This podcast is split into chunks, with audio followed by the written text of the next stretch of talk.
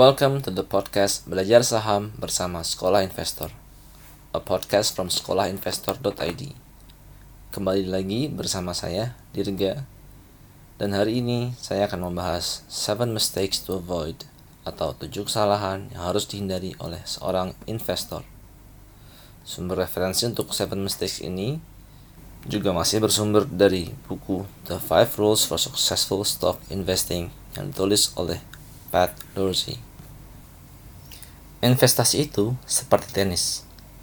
Memiliki serve yang bagus atau sebuah gerakan backhand yang oke okay, dapat memenangkan Anda banyak poin. Namun itu semua dapat terhapus dengan terjadinya banyak kesalahan, dengan menumpuknya kesalahan-kesalahan. Pada akhir sebuah pertandingan, seorang pemain yang memiliki kesalahan terkecil itulah yang biasanya memenangkan pertandingan. Hanya dengan memiliki kemampuan untuk dapat mengoper bola tenis melewati net secara konsisten sepanjang pertandingan adalah sesuatu yang dibutuhkan untuk menang. Dalam investasi juga sama.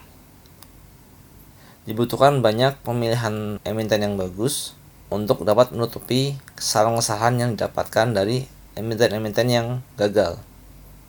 Nah, ada tujuh kesalahan yang dapat dihindari yang sebenarnya sering terjadi pada investor. Menahan diri dari melakukan kesalahan-kesalahan ini adalah langkah pertama bagi Anda untuk dapat mencapai target finansial Anda. Tujuh kesalahan yang harus dihindari tersebut antara lain adalah Pertama, swinging for the fences. Kedua, believing that it's different this time. Ketiga, falling in love with products. Keempat, panicking when the market is down. Kelima, trying to time the market. Keenam, ignoring valuation. Dan yang terakhir, relying on earnings for the whole story. Mari kita bahas yang pertama, swinging for the fences. Swinging for the fences adalah istilah yang biasa dilakukan oleh para pemukul di baseball sewaktu mereka mencoba melakukan home run, sesuatu yang memiliki presentasi kecil untuk dapat terjadi. Sama seperti baseball tersebut, swinging for the fences dalam saham, dalam investasi dapat diartikan dengan kita mengisi portofolio kita dengan saham-saham emiten-emiten yang memiliki resiko tinggi, di mana chance buat dapat menghasilkan high return besar, namun juga sebaliknya untuk dapat rugi besar. Dan di saat kita melakukan strategi all or nothing atau benar-benar semuanya kita masukkan semua cash kita, maka itu adalah jalan menuju kehancuran dalam berinvestasi. Faktanya, dalam hitungan matematis investasi, kalau kita memiliki satu saham yang jatuh e, misalkan 50% dari nilai awal kita masuk, maka dibutuhkan e, peningkatan sebesar dua kali lipat dari harga terakhir tersebut untuk dapat menutup modal bagi kita to just break even.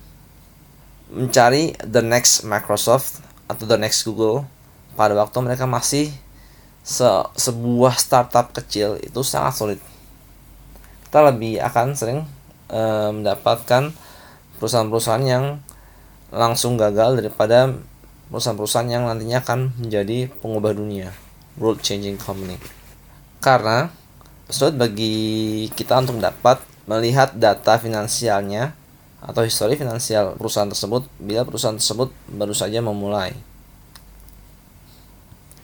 small growth stocks uh, yang kita barusan sebut adalah stocks dengan return terburuk dalam waktu jangka panjang.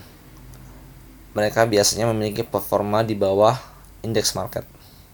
Banyak perusahaan-perusahaan kecil tetap stay menjadi perusahaan kecil. Hanya sedikit dari mereka yang tumbuh menjadi perusahaan besar. Belum lagi kemungkinan terjadinya delisting. Lanjut ke yang kedua. Believing it's different this time. Empat kata yang paling mahal di Wall Street adalah it's different this time. Karena berkali-kali sejarah membuktikan bahwa sejarah selalu mengulang apa yang telah terjadi. Bubbles do burst, do crash, tapi mereka pada akhirnya kembali masuk ke bull market, tidak selamanya hancur. Dan tidak mengetahui sejarah dari market itu adalah sebuah kekurangan. Contohnya pada waktu musim spring di tahun 2000, ada media financial yang menulis bahwa saham-saham semikonduktor tidak lagi cyclical.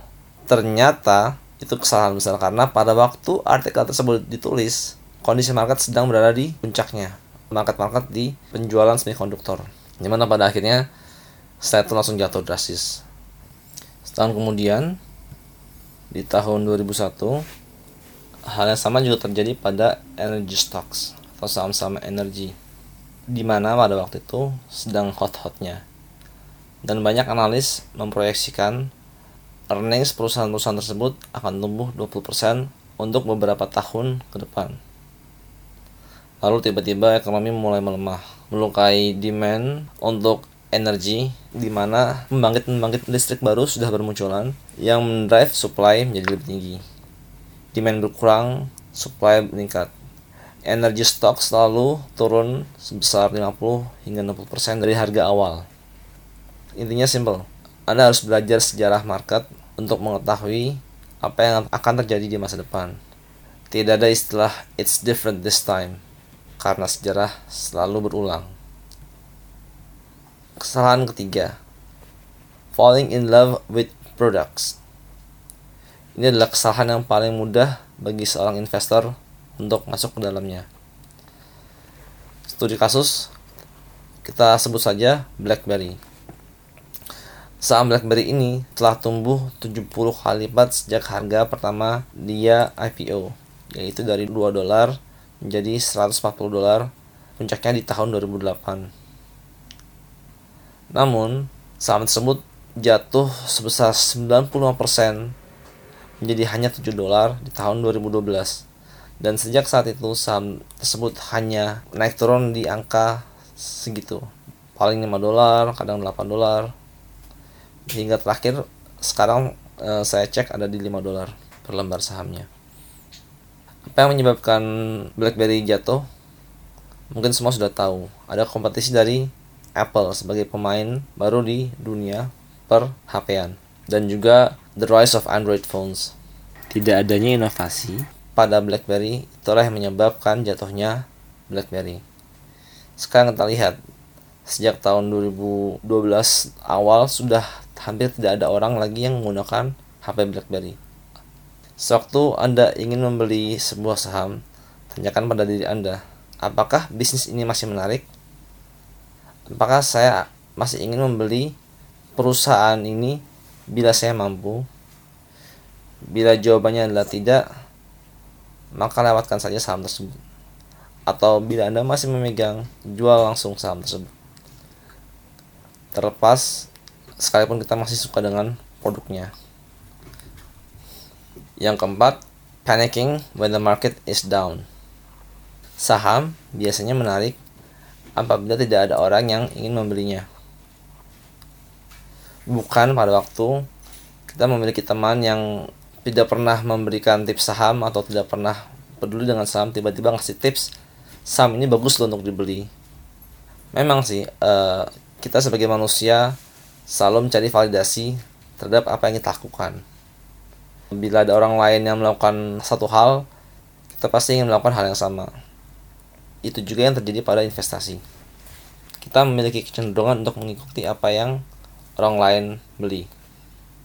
Tapi sejarah berulang memberitahu bahwa saham-saham itu murah apabila semua orang sedang menghindarinya. Dalam kata-kata Sir John Templeton, The time of maximum pessimism is the best time to buy. Waktu di saat semua orang sedang pesimis adalah waktu yang tepat bagi kita untuk membeli. Contoh paling populer adalah pada waktu Business Week menjalankan sebuah berita cover story di majalah mereka tahun 79. Judulnya adalah The Death of Equities, kematian pasar saham. Tidak lama kemudian terjadi sebuah bull market selama 18 tahun di pasar saham. Kontras bukan, tadinya dibilang kematian dari pasar saham, tiba-tiba saham kemudian naik drastis selama 18 tahun. Melawan arus itu membutuhkan keberanian. tapi keberanian tersebut akan memberikan kita hadiah yang besar. Anda akan menjadi investor yang lebih bagus apabila Anda berpikir untuk diri Anda sendiri dan mencari diskon-diskon yang ada di pasar saham yang mungkin orang lain tidak memperhatikan.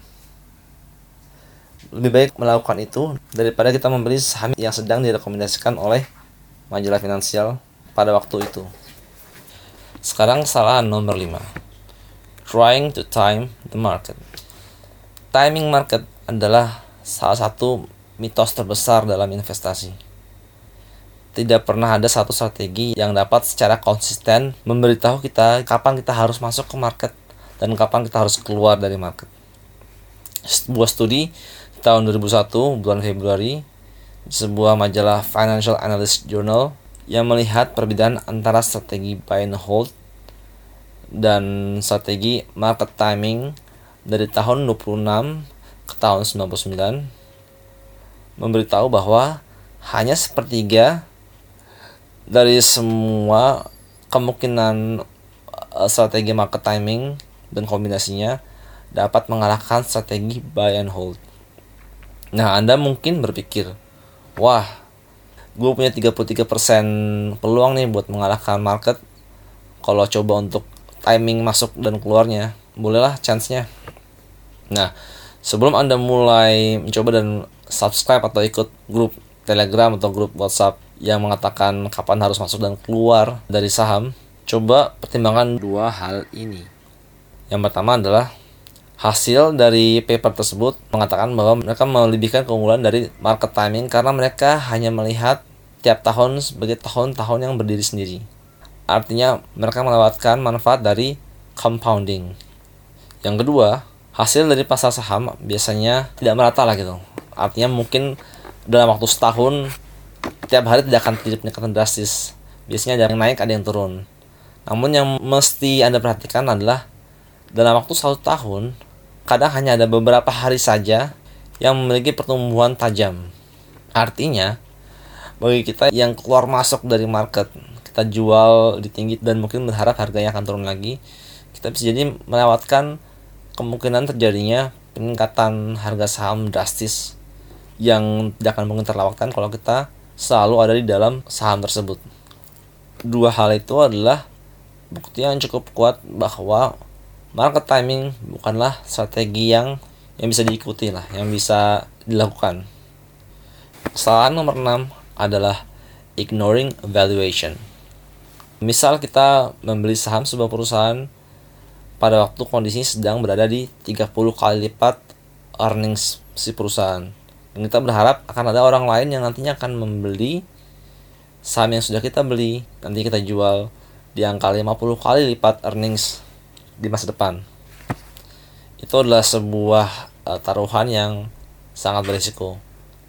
Karena dari awal kita sudah beli di harga mahal dan berharap ada orang lain yang mau beli lebih mahal lagi, itu itu kecil lah kemungkinannya misal kita beli sahamnya Yahoo gitu di waktu ada internet bubble uh, mungkin setahun sebelum internet bubble terus menjelang crash dia kan naik lumayan tinggi tuh kita bisa dapat uang yang besar kan? Tapi apakah anda yakin anda bisa keluar di waktu yang tepat?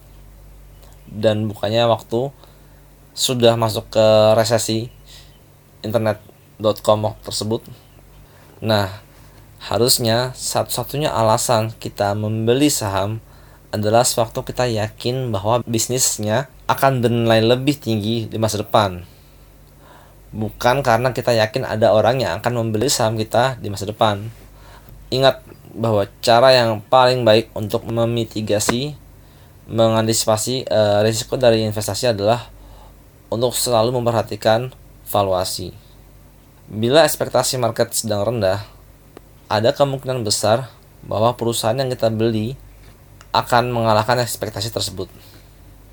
Membeli saham dengan harapan nantinya saham akan naik karena berita positif atau karena karena orang-orang lagi berbondong-bondong membeli saham yang sama itu sama saja dengan mencari masalah. Kesalahan yang terakhir, relying on earnings for the whole story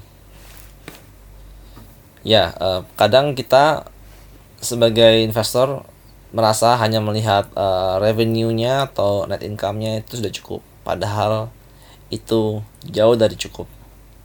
Mungkin beberapa sudah tahu ya bahwa earnings itu bisa dimanipulasi, bisa diakalin, tergantung keinginan si perusahaan. Yang lebih penting dari earnings adalah cash flow. Nah, ini berarti statement of cash flow bisa memberikan insight yang tajam terhadap kesehatan sebenarnya dari sebuah perusahaan. Kita bisa menghindari ledakan atau terjun bebas dari sebuah perusahaan hanya dengan melihat tren dari operating cash flow relatif terhadap earnings atau pemasukan. Salah satu yang bisa kita kita perhatikan sekali adalah apabila operating cash flow stagnan atau bahkan mengecil di saat earnings tiba-tiba sedang tumbuh. Itu salah satu indikasi bahwa tanda-tanda bahwa perusahaan itu mencurigakan lebih besar. Demikian pembahasan The Seven Mistakes to Avoid atau tujuh kesalahan yang harus dihindari oleh investor. Saya Dirga dari sekolah investor.id mengucapkan terima kasih telah mendengarkan and see you on the next episode. Bye.